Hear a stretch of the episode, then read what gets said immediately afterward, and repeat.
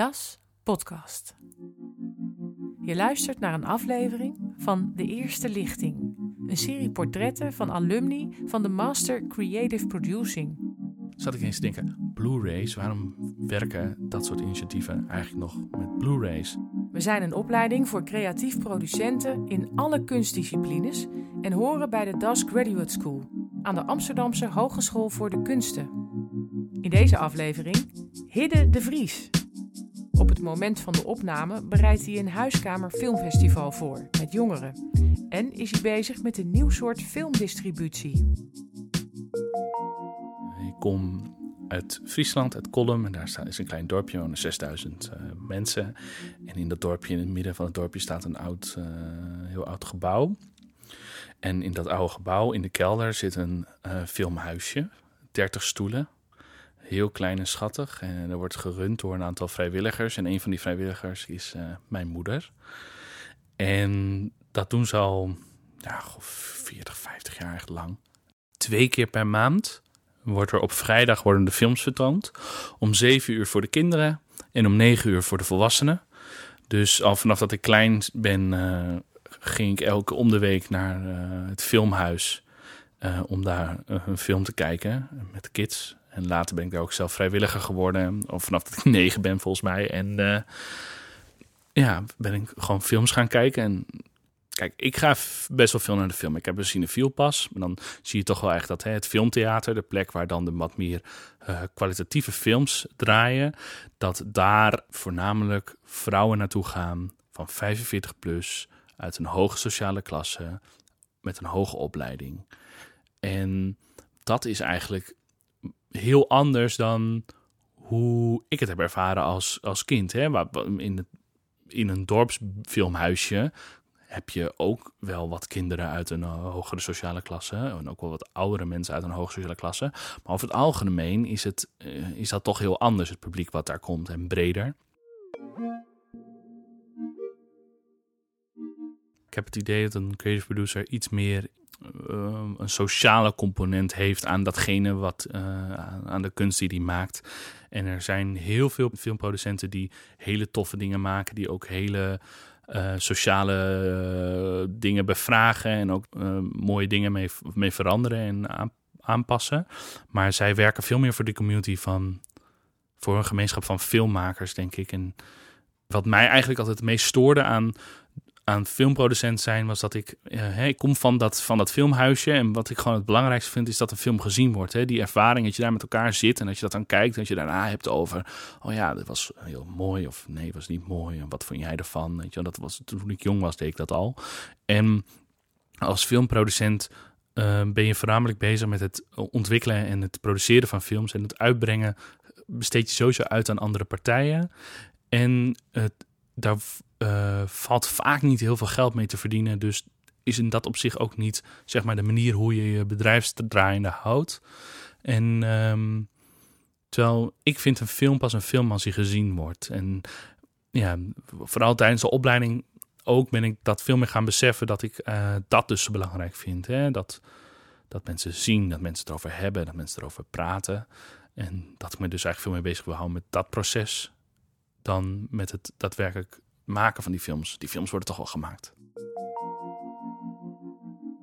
Wat mij veel opvalt is dat er eigenlijk super veel hele toffe films worden gemaakt over problematiek of dingen die jonge mensen echt naar het hart zouden gaan of die ze interessant vinden en ook op een manier verteld die heel tof is.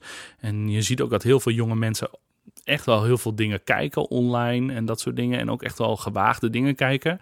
Maar toch zie je die mensen niet terug uh, in de bioscoop en, of de filmtheaters. En uh, tijdens de opleiding, toen ik dat wat ging analyseren, dacht ik eigenlijk van ja, dat is eigenlijk iets waar, uh, ja, wat gewoon niet goed is en wat zou moeten veranderen. En dan ga je nadenken van ja, hoe zou je dat dan kunnen veranderen en op welke manier die ook bij bijpast. En ja, ik, ik, werk als filmfestivaldistributeur. Dus wat het doet, wat dat is, is ik help filmmakers om hun films vertoond te krijgen op filmfestivals.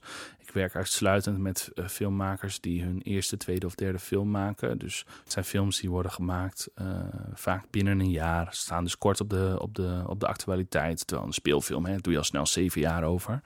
Uh, dus films die urgent zijn, die meer experimenteren, omdat ze, ja, ze kunnen meer experimenteren, want er is veel minder geld mee gemoeid. En daardoor dacht ik altijd van ja, die films die passen veel meer bij een soort uh, jonger, jonger publiek. Ja, dat wordt bijna alleen maar gekeken in het filmtheater. En als je gaat onderzoeken wat vinden de jongeren van het filmtheater, dan is daar één heel mooi onderzoekje over. En daar staat gewoon heel duidelijk: saai, oude stoelen, uh, geen popcorn. En uh, uh, ze associëren het met families, school en opa en oma. vanuit die ingrediënten is toen het, mijn project het Huiskamer Filmfestival ontstaan. Door de context waarin deze films worden vertoond te veranderen. Dus door de films uit de saaie filmtheaters te halen, maar in een context te plaatsen die spannend, nieuw en een beetje ontdekkend is. Denk ik juist dat het wel weer interessant kan worden voor voor jongeren om die films uh, te gaan kijken. Veel van die filmprogramma's voor jonge mensen worden gemaakt door iemand voor jongeren. Oh, dit moeten jongeren leuk vinden. Terwijl wat ik er heel interessant aan zou vinden als eh, jonge mensen zelf zouden gaan programmeren, is uh, dat um, in mijn werk als filmfestivaldistributeur, als je het hebt over Europa, zijn er gewoon een heel veel filmfestivals, veel korte filmfestivals. En wat je krijgt is dat de film, hoofdprogrammeur van het ene festival zit in de commissie van het andere festival. En op die manier ontstaat er eigenlijk een hele kleine groep mensen die heel erg bepaalt uh, wat kwaliteit is. En uh, wat ze over het algemeen heel goed doen hoor. Daar heb ik niet zo heel veel, per se heel veel op aan te merken. Maar uh, het is wel zo dat daardoor bepaalde soort films je heel veel terugziet op dezelfde festivals. En eigenlijk maar een heel klein aanbod uh, vertoond wordt. En eigenlijk denk ik door dus normale mensen, jonge mensen, die geen enkel flauw idee hebben van conventies of wat belangrijk is of artistiek, maar programmeren wat ze gewoon tof vinden. Wat, wat ik soms wel eens vergeet te vertellen is dat ik het dus heel graag wil doen. Uh, dit project zou heel graag willen of wil doen of aan het doen ben in Friesland. Omdat dit ook er niet alleen past bij jongeren, maar ook heel erg bij Friesen. Daar is het zo dat je niet heel erg eh, vertelt dat, wat je mening is of wat je belangrijk vindt, maar eigenlijk meer van door datgene wat je doet of wat je laat zien, eigenlijk vertelt wie je bent. Dus een filmprogramma programmeren past heel erg bij dat idee van door eigenlijk deze vijf films achter elkaar te zetten, vertel ik eigenlijk heel veel over mezelf, van wat ik belangrijk vind, uh, zonder dat het heel erg persoonlijk wordt bij mij. Waardoor mensen, als ze het erover hebben, het over de films kunnen hebben, als een soort veilig sociaal object, in plaats van dat mensen het over mij hebben, over wat ik bevind, kunnen we het hebben over, ja, die film vertelt dit en daarom is dit belangrijk. Ik uh, sprak mijn moeder op WhatsApp en zij zei, uh, ja, we hebben wel weer stress, want de Blu-rays zijn weer verlaat voor vrijdag. Zij maken in hun filmhuis gebruik van Blu-rays, omdat dat hele hoge kwaliteit is, maar dan heb je niet allemaal hele ingewikkelde apparatuur nodig, dat kunnen ze niet betalen. Zat ik eens te denken, Blu-rays, waarom werken dat soort initiatieven eigenlijk nog met Blu-rays. En toen ging ik een beetje onderzoek doen nou ja, naar eigenlijk hoe komen dan al die kleine filmhuisjes. En er zijn er echt meer dan 100 in Nederland. Eh, hoe komen die nou eigenlijk aan hun, uh, aan hun uh, films? En toen kwam ik achter dat ze eigenlijk allemaal gebruik maken van de Filmservice. Dat is een bedrijf onderdeel is van Videma. En heb ik de CEO gegoogeld. En toen kwam ik op zijn Facebook. En toen zag ik dat hij gewoon alleen maar in Malaga aan het golven is. Niet dat daar heel wat mis mee is. Maar toen dacht ik van oké, eh, als er dus een bedrijf is die uh, eh, 2 miljoen per jaar omzet met uh, dit soort kleine initiatieven. Um, en dat op een hele ouderwetse manier doet. Dan zou dat dus ook op een manier kunnen wat misschien technisch goedkoper kan en slimmer kan.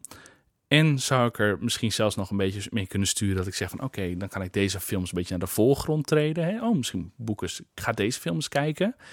En ik zou, doordat het goedkoper is, een deel van het geld wat uh, omgezet worden kan terug laten vloeien naar uh, ja, weer filmmakers. Filmmakers die komen uit de provincie of de plek of de regio van waar die plekken zitten die gebruik maken van dat uh, systeempje. En dat is een manier om een soort uh, basis te gaan creëren voor mijn festival. Om een soort basis te hebben van infrastructuur, maar ook geld. En om vanuit die situatie uh, die huiskamerfestivals te gaan organiseren. En ook om zo dat uit te kunnen testen. Hè? Hoe werkt zo'n systeem? Wat kan nou? Wat werkt wel, wat werkt niet? Ja, dat, uh, daar ben ik nu mee bezig. Dat heet uh, Lief of Leef. Leef is Fries voor lief. Maar ook soms, in sommige dialecten betekent het ook uh, blad of loof. Het loof van een stuk brood. Dus het is een soort ja, brood delen. Het, is een, staat voor ja, het blad, voor een soort van hè, hoe een boom ook circulair is. Waar een, een blad het einde is van een netwerk. En die kleine filmhuisjes zijn dat ook. En een blad is in de zomer iets waar uh, de boom dansenergie van krijgt. Maar in de winter laat die het blad weer vallen. En komt er op dat manier weer, ook weer energie uit. Dus dat circulaire van uh, dat woord vond ik mooi. Uh, ja, en, dat gaat hopelijk volgend jaar beginnen.